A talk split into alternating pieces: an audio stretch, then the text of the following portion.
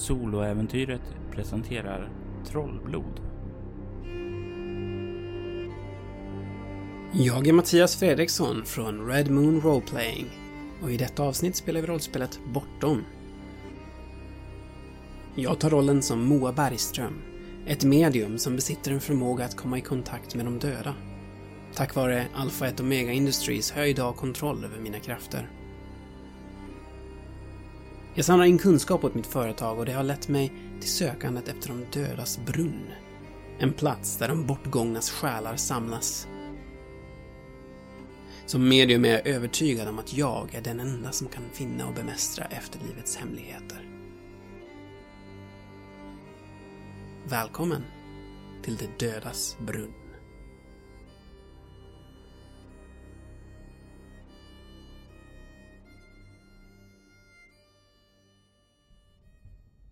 Regnet faller tungt mot biltaket.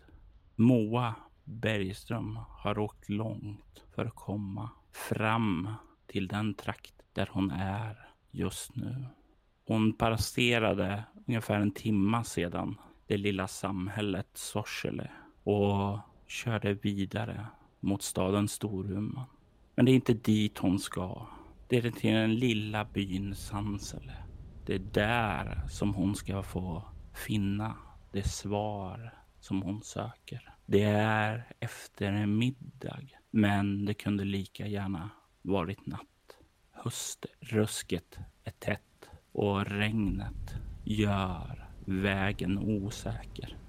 Det har regnat i flera dagar och det ser inte ut att bli någon förbättring. Moa, du har passerat nyss förbi Blattniksele, den lilla byn som ligger precis innan Sansele. Du har kört över den stora bron som leder över Vindelälven och du kan se skylten komma. Den blåa skylten med den vita linjerna runt omkring och den vita texten där det står Sansele. Den by som du kör in i verkar, ja, döende. Döende som så mycket annat här på landsbygden. En gång kanske det här var ett blomstrande samhälle. Men nu när du kör förbi här kan du se övergivna stugor. Någon lagård som ser väldigt nedgången ut. Och du passerar förbi även en byggnad lite större. Gul stenbyggnad som en gång säkerligen har varit lanthandeln här. Och du kör snart rätt igenom Sansele, inser att ja, det verkar inte vara mycket till bebyggelse här tills du kommer på andra sidan byn. Det kanske rör sig om ett tjugotal hus som du passerar förbi.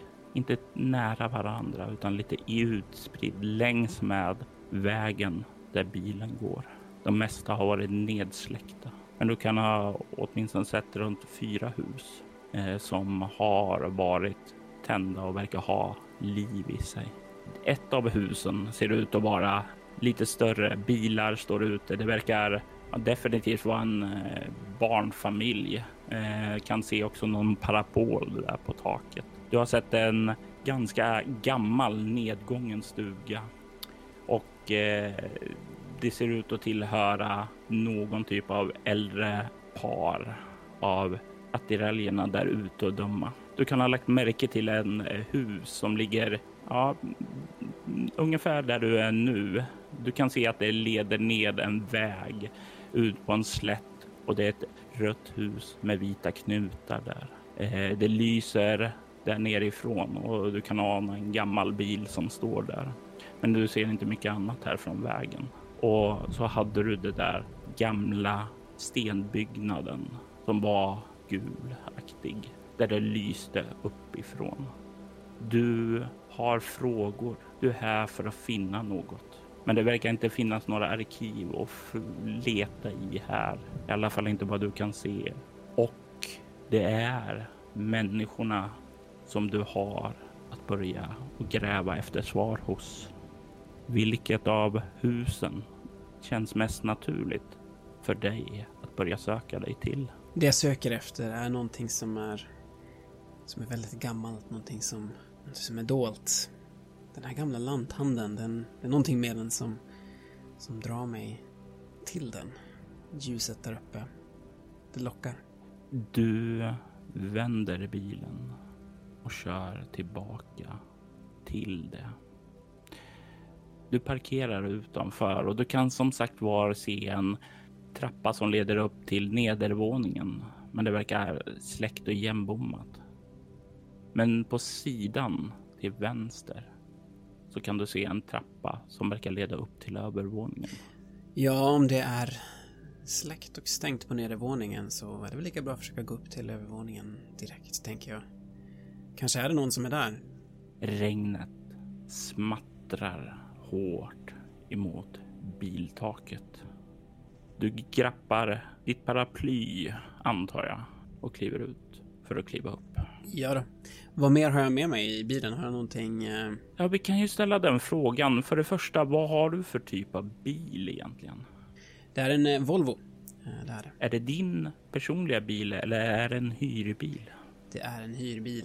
Och vad har du tagit med dig för utrustning hit? Eh, nej, jag har nog egentligen bara vanliga saker med mig. Inget...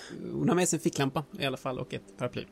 Så ja, jag har tagit med mig min eh, ficklampa och eh, paraplyet. Och jag ber mig ut i regnet. Och du vandrar upp den eh, gamla ståltrappan. Kommer upp. Du ser in igenom den här lilla glasfönstret på dörren som avskiljs i fyra små kvadrater av ett träkors. Det lyser där inne. Du kan ana härifrån att tvn står på i vardagsrummet.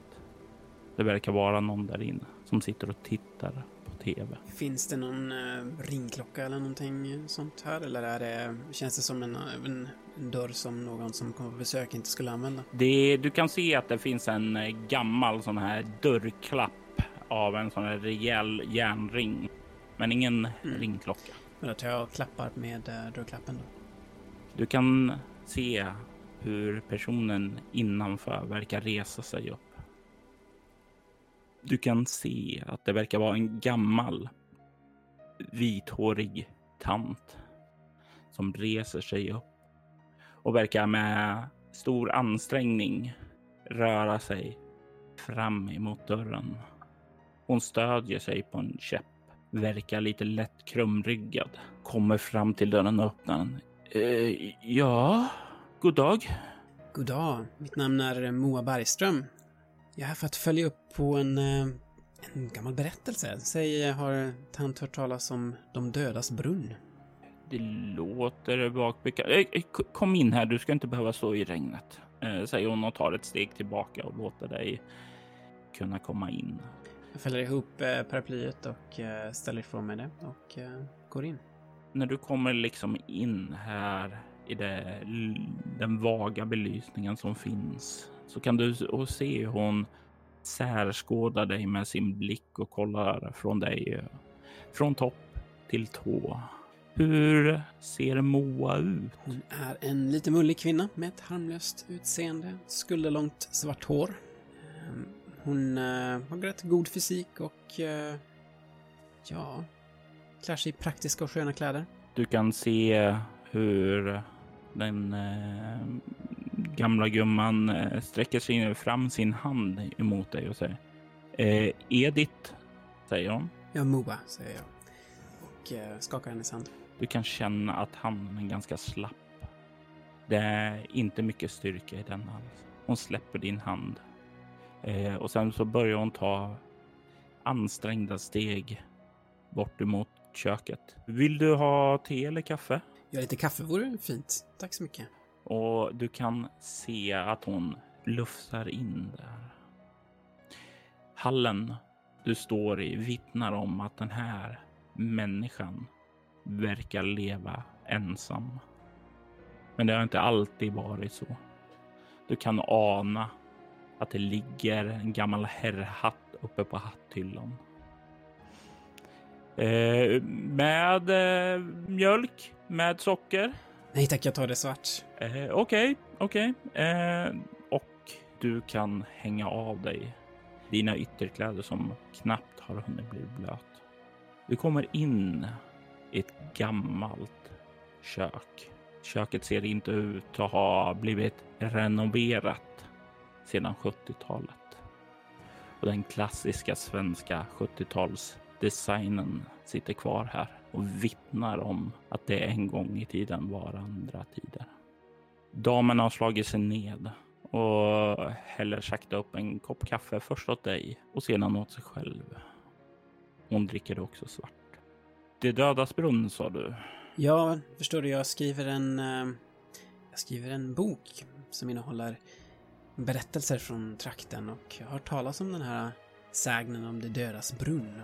Jag fann den väldigt intressant, väldigt... Ja, ganska så grotesk och, och mörk historia måste jag säga, men det säger väl en del kanske om, om trakten och eh, det skulle vara intressant att få, få veta mer om den, om, om det finns någon som kanske har hört historierna direkt. Jag, jag tänker mig att kanske tant eh, är, eh, är i en sån ålder att, att hon, hon, eh, hon kanske har hört talas om, om olika händelser kopplade till eh, brunnen.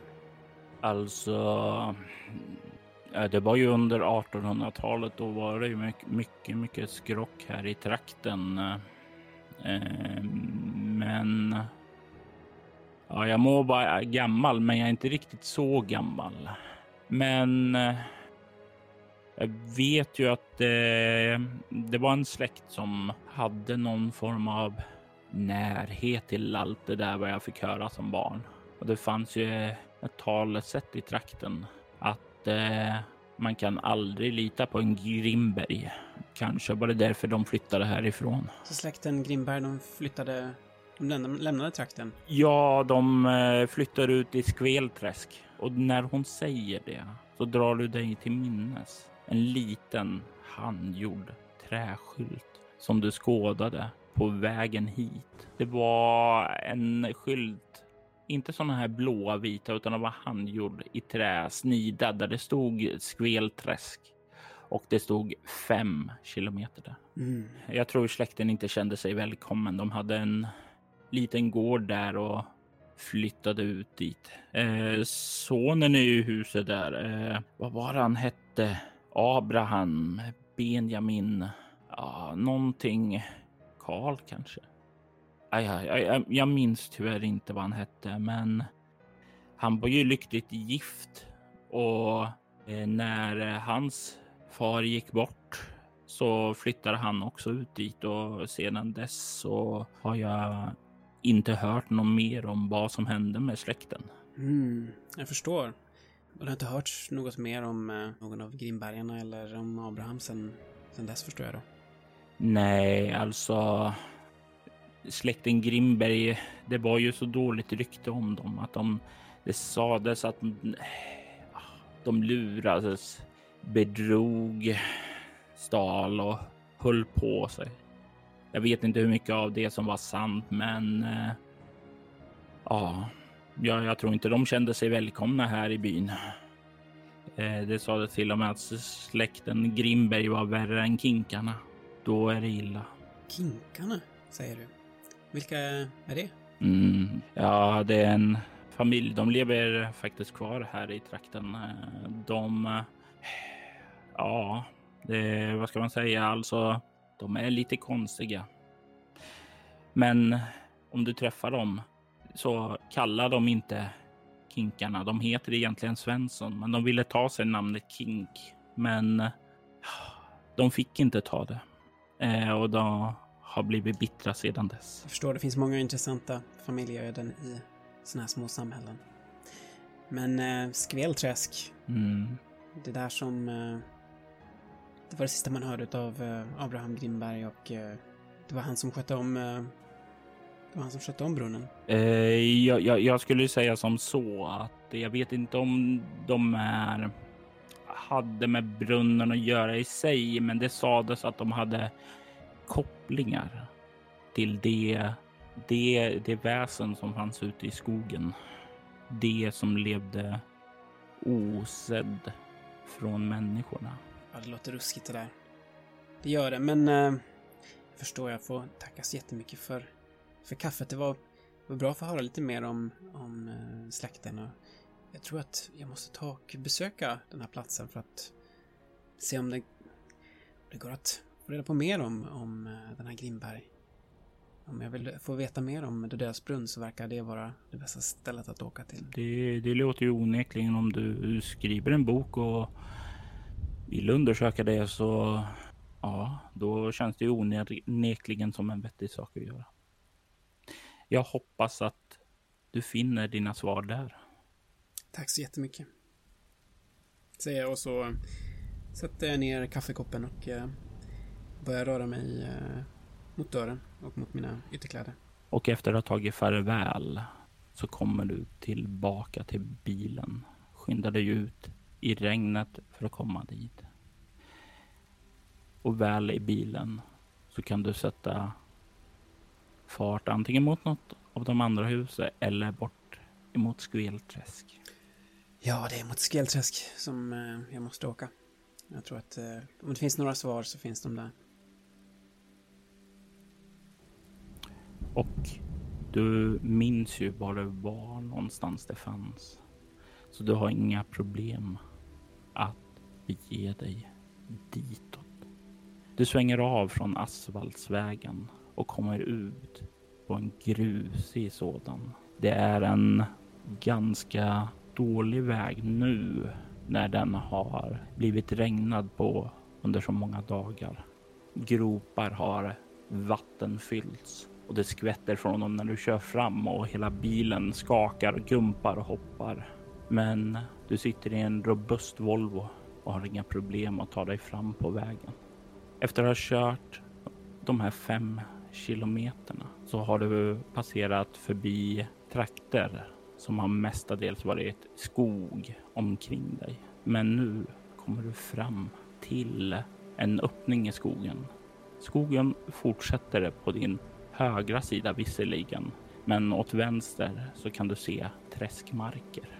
Långt, långt borta, ja, säkert någon en eller två kilometer till, så kan du se en liten udde där det ligger en ja, gammal stuga med en lagård. Den stugan kan du nå via en väg åt vänster och åt en väg åt höger leds du djupare in i skogen.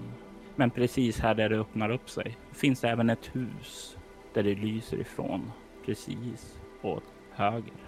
Och då nu kan du kolla lite grann över kartan. Var söker sig Moas intresse någonstans? Djupare in i skogen. Du kör förbi stugan och djupare in i den mörka norrländska urskogen. Här så finns det mer skydd ifrån regnet. Trädkronor, eh, de nästan böjer sig mot varandra. Det är ännu mörkare här. Det är nästan så du får känslan av att du kör igenom en tunnel. Men snart så kan du se en öppning här. Du kan se ett hus och något som ser ut som en lada. Det står en gammal, ja, det ser ut som någon typ av minivan, en vit sådan. En vit skåpbil framför huset. Det lyser inifrån. Är det en relativt ny skåpbil eller ser den gammal ut? Den ser relativt ny ut. Den kanske har en tio år på nacken. Ja, men om det lyser inifrån så äh, får jag väl kanske fråga mig runt. De kanske vet något mer om äh, Grimberg och brunnen. Jag ehm, stiger, jag parkerar bilen och stiger ut med paraplyet igen. Beger mig mot dörren. Och då du stiger ut ur bilen och fäller upp paraplyet så hör du ytterdörren öppnas. Det kommer ut en man. Han har ganska tunt vitt hår i en sidbena. Han har en ganska mörk uppsyn i ögonen. Han har en vit mustasch och eh, ganska kort skägg som ser ganska rufsigt och ovårdat ut. Han har ett par hängslor på sina mörka kostymbyxor och han har en ljusbrun flanellskjorta på sig. Men det som kanske först fångar din uppmärksamhet är det dubbelpipiga hagelgeväret som han har i sina händer när han stirrar bort emot dig. Vad gör du på min mark?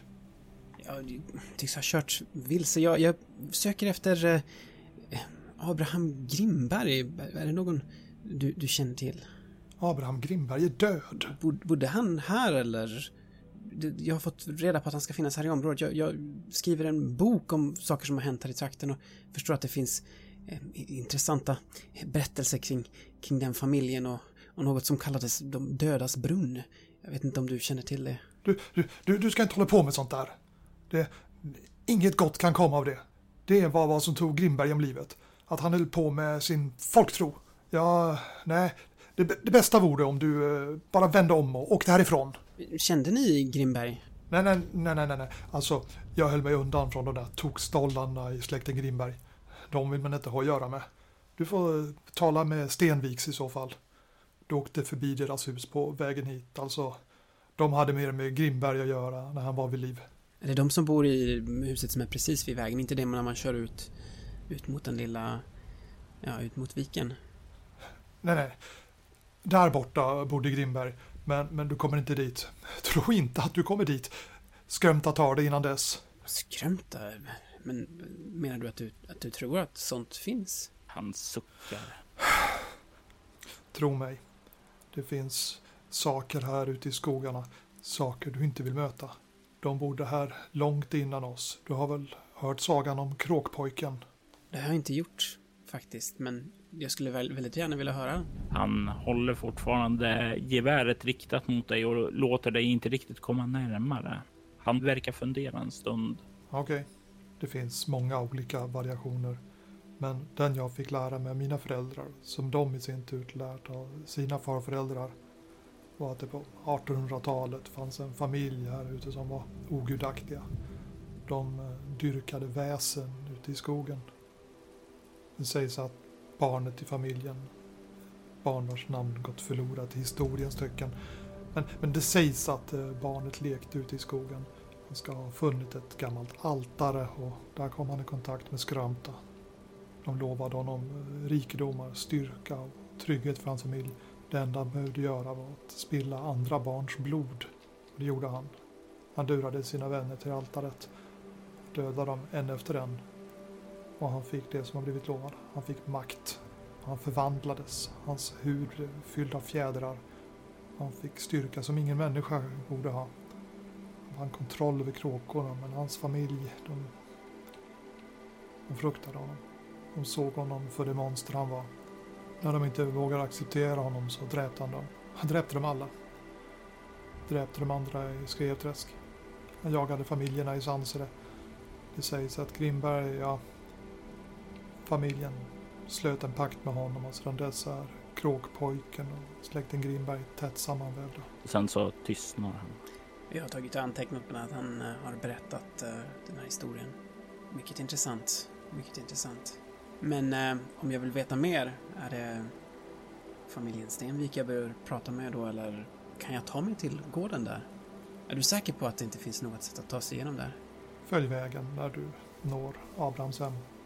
Jag vet inte hur det ser ut nu. Det har regnat mycket och då brukar träsket stiga. Du kanske kan ta bilen. Du kör ju trots allt Volvo. Jo, säger jag och eh, skrattar. Jo, det har jag. Jag får, jag får tacka för hjälpen. Jag ska åka dit nu. Och om jag inte kommer... Om du inte... om kommer inget mer hörts från mig så då har väl skrömta tagit mig.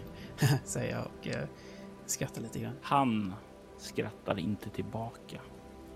För de orden är inte ett skämt för honom. Han tar dem på det fullaste allvaret och nickar bara samtidigt som han sänker sitt gevär.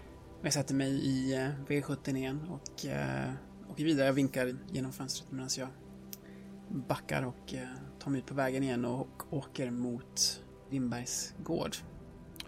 Du kommer ut till eh, huset och gör en eh, tvärsväng för att börja köra ut emot släkten Grimbergs stuga. Jag vill att du slår ett kropp fordon, ett lätt slag. Så jag slog en fyra, jag har kropp fem, fordon ett, så det blir tio då. Du kommer ut på den här vägen. Du känner direkt att det är som den eh, gamla mannen sa.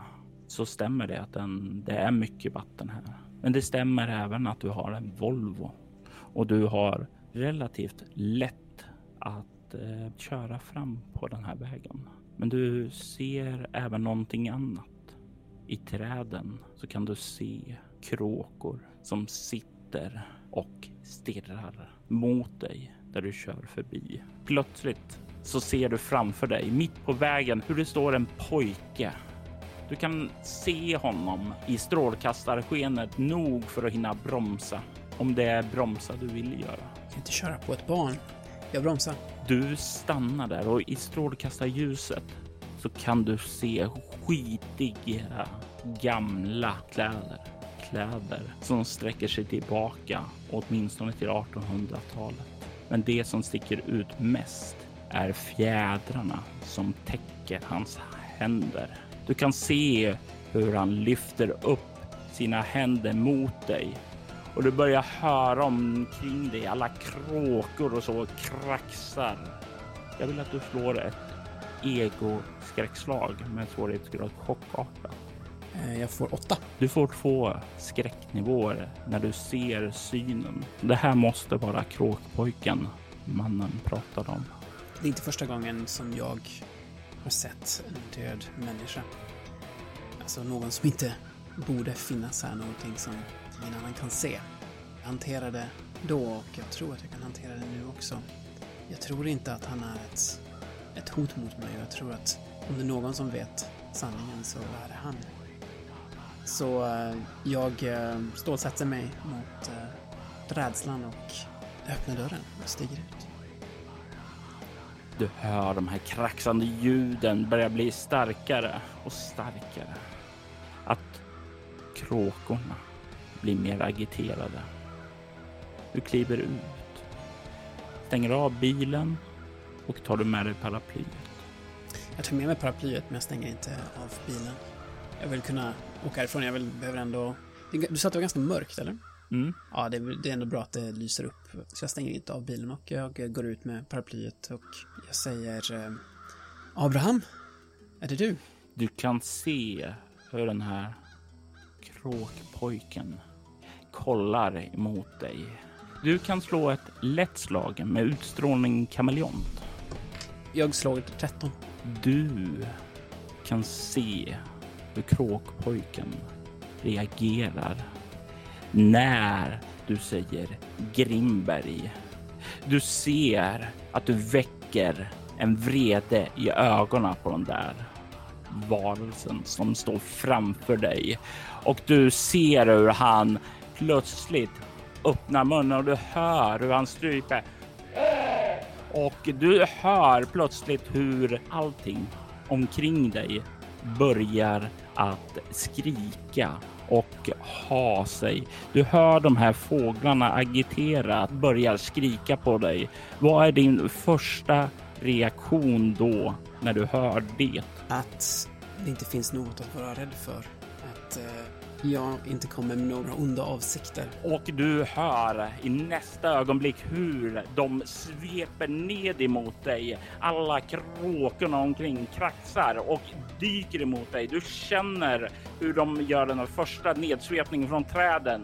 Du känner näbbar, klor som träffar dig när de sveper förbi. Du kan ta en bestående förlust i kropp när de nu attackerar dig och du ser kråkpojken börjar gå sakta fram emot dig och bilen. Jag är här för att hjälpa dig, inte för att skada dig.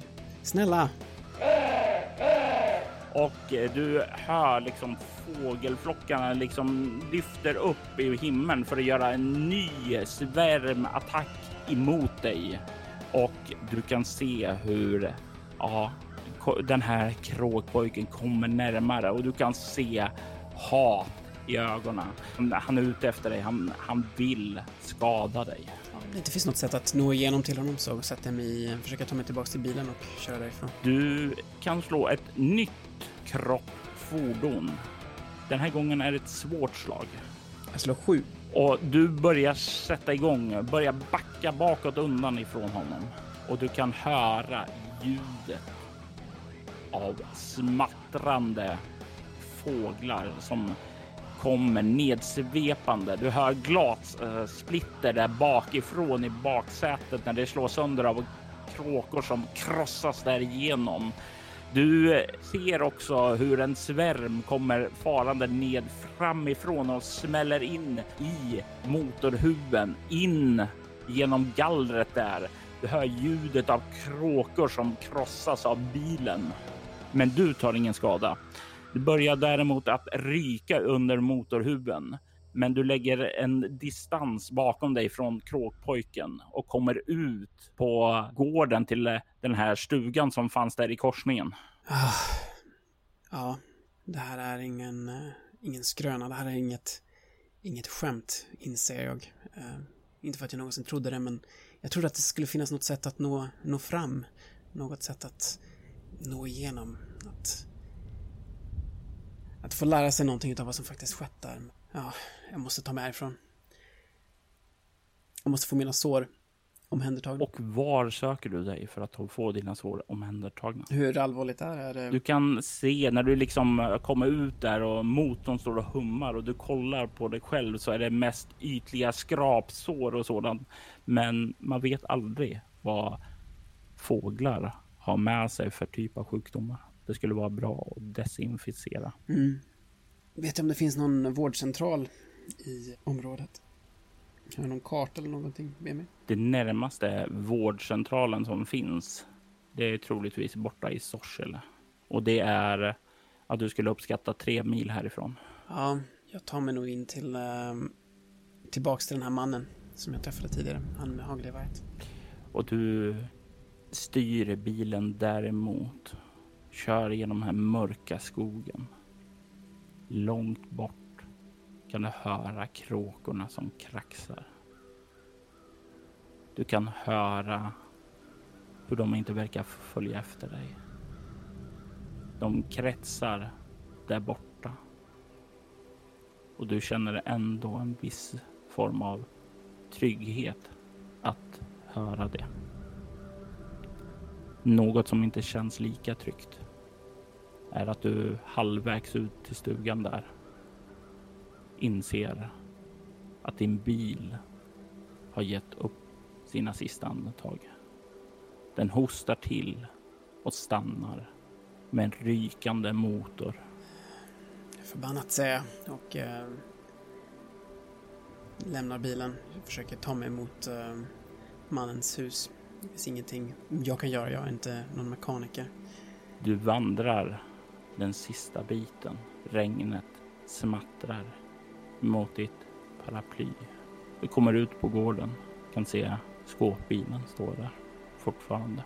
Ljuset lyser bortifrån köket. Jag börjar närma mig eh, stugan och eh, går så lugnt som jag kan under omständigheterna. Du kommer fram. Sist när du kom med bilen så verkar han ha hört dig för då kommer ju han ut. Men du vandrar ända fram till Farstubron och han verkar inte komma ut. Då tar jag och knackar på dörren. Det, det är Moa. Det var jag som var här precis. Min bil har gått sönder. Du hör bara tystnaden och regnet omkring dig. Jag försöker öppna dörren. Dörren gnisslar till när du drar den utåt. Precis innanför så ser du att det finns en annan dörr som öppnas inåt. Det är Moa, det är, det är ingen, det är ingen inbrottstjuv. Jag, jag, jag behöver hjälp säger jag och så öppnar jag nästa dörr också. Den knallar till och du kan se hur du kommer in i ett förmak till köket. Det finns en trappa uppåt rakt fram och en eh, vad som ser ut att vara ett toalett till höger. Jag börjar gå eh, på trappen uppåt, kanske ligger han där uppe, kanske han har somnat eller något. Hallå, säger jag och börjar gå uppåt. Doften av tobak blir betydligt starkare när du vandrar uppåt. Trätrappen, ja, den knarrar när du kommer upp.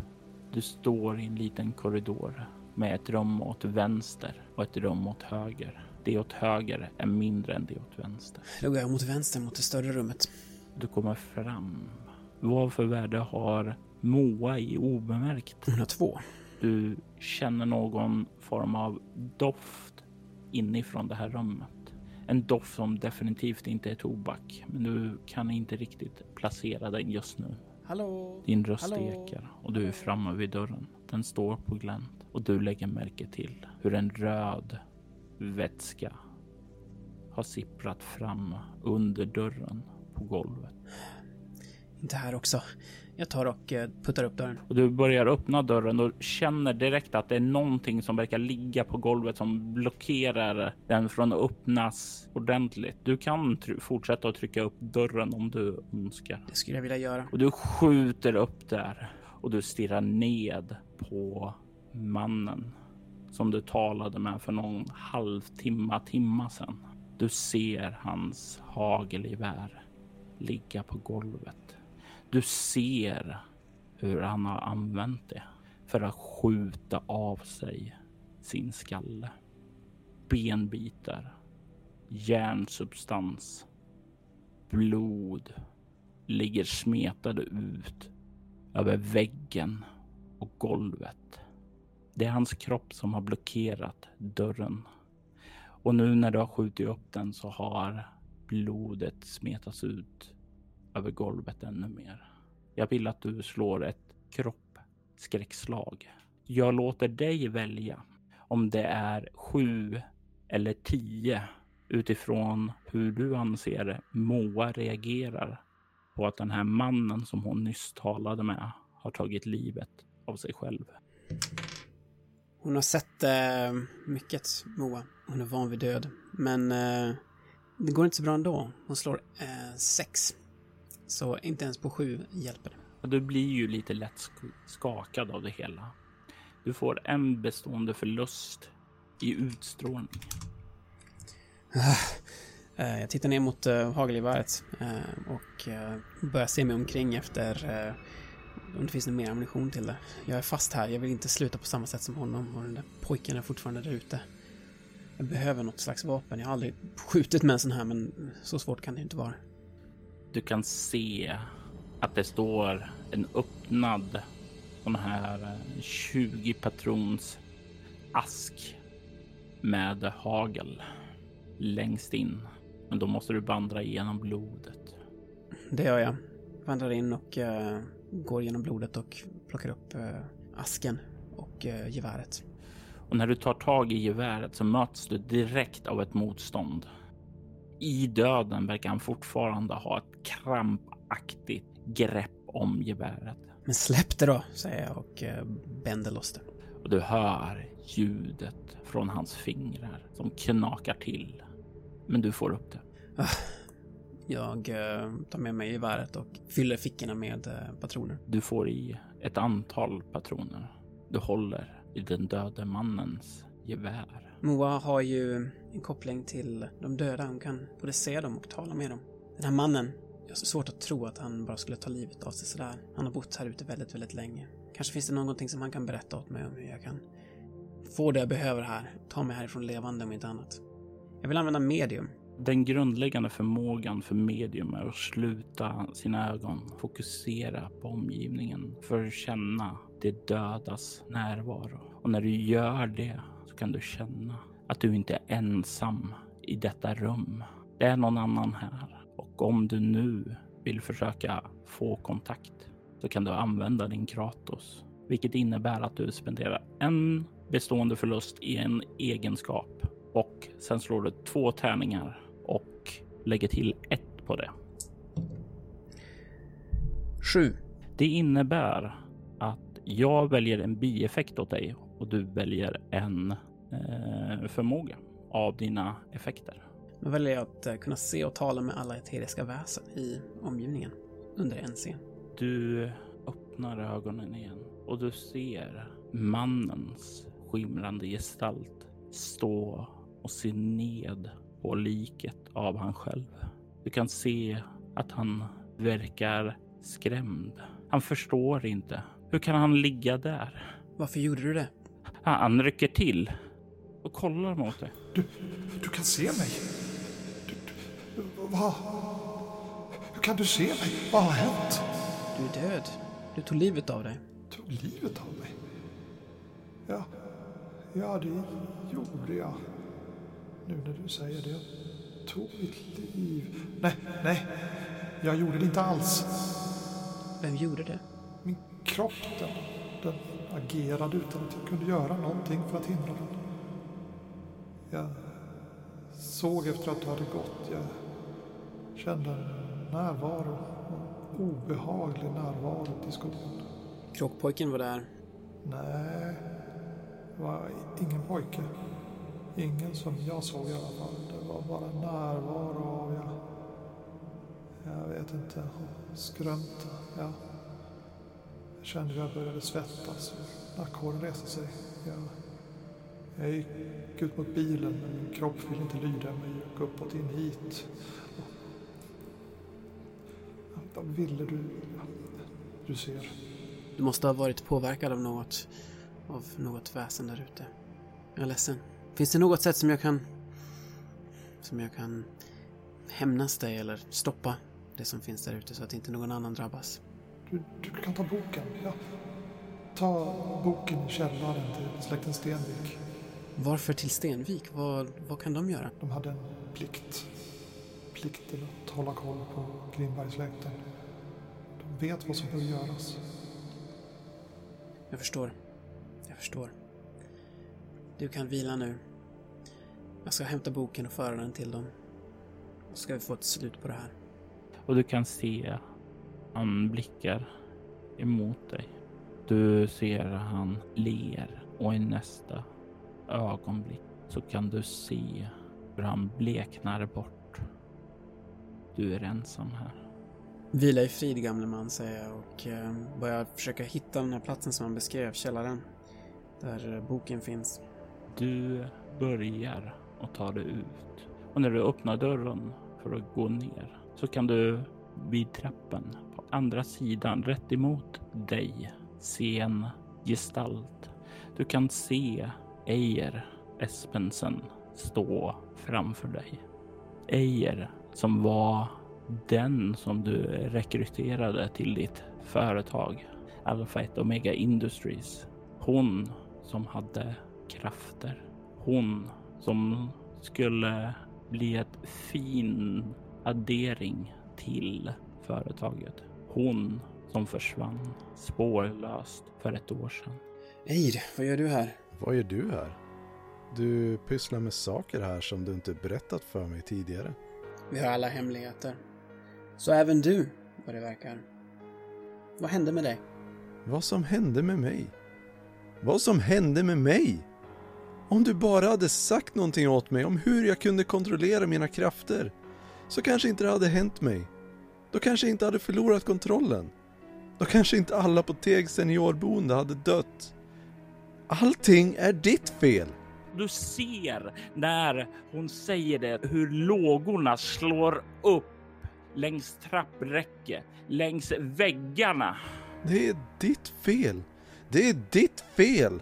Allt är ditt fel. Eir, du kan inte skylla allting som går fel i ditt liv på andra. Du måste ta ansvar för ditt eget liv vid något tillfälle också. Lätt för dig att säga.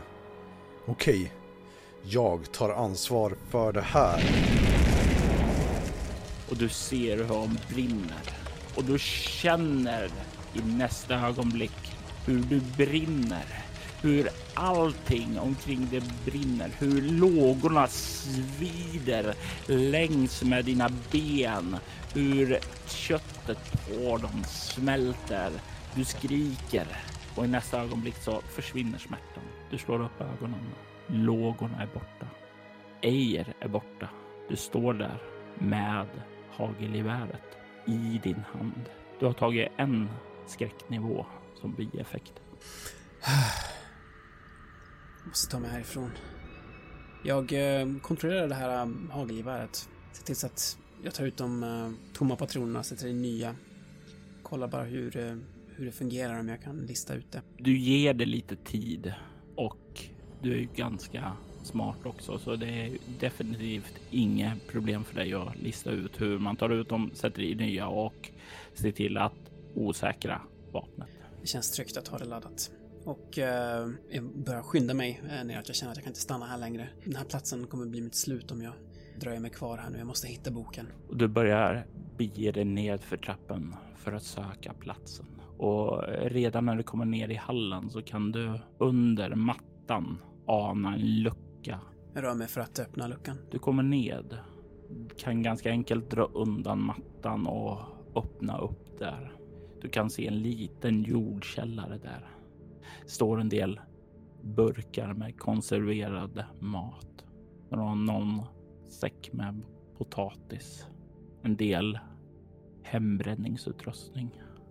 Men du kan också se på en liten bänk där. Där det står ljus som är släckta nu. Där så ligger en bok. En gammal bok. Ja, du, det är det första du tänker, läderinsvepning, men nej, det är nog något annat. Nå hud ifrån kanske en ren, för den verkar nästan som om boken har päls. Det måste vara den där boken, säger jag till mig själv och jag rör mig för att plocka upp den. Och du kommer ner, kan plocka upp den utan något problem. Det känns att det är en gammal bok. Du kan ana från utsidan att ja, sidorna är gulnade så länge. Jag har inte tittat titta på den nu. Jag börjar röra mig uppåt igen. Jag försöker ta mig tillbaks till entrén och se om jag kan hitta ett nyckelskåp där och en uh, nyckel till uh, skåpbilen. Och det kan du. Jag plockar med mig nyckeln till skåpbilen och nu är det dags att lämna den här platsen. Ta mig ut till Stenviks. Ge dem den här boken och så kanske vi kan komma fram till någonting här. Kanske vi kan lära oss någonting av den här hemska upplevelsen. Du tar dig ut till skåpbilen, sätter dig i den. Regnet smattrar mot fönster och taket. Bilen startar och du börjar köra tillbaka mot Stenviks hem. Moa Bergström spelades av Mattias Fredriksson och spelledare var Robert Jonsson. Statistroller i detta avsnitt var Wilhelm Persson som Gamle Mård och Christer Svanlund som Eir Espensen. Temat till Trollblod komponerades och framfördes av Andreas Lundström och övrig musik i detta avsnitt gjordes av Adrian von Ziegler och God Body Disconnect. God Body Disconnect är ett av skivbolaget Cryo Chambers många fantastiska band. All musik i detta avsnitt används med respektive skapares tillåtelse och vi rekommenderar er att spana in länkarna i detta avsnitts inlägg för att finna mer information om dem. Trollblod produceras av Robert Jonsson till rollspelet Bortom. Soloäventyret finner du på iTunes, bortom.nu och Facebook. Om du har lust, lämna gärna en betyg eller recension på iTunes eller Facebook. Tack för att du har lyssnat.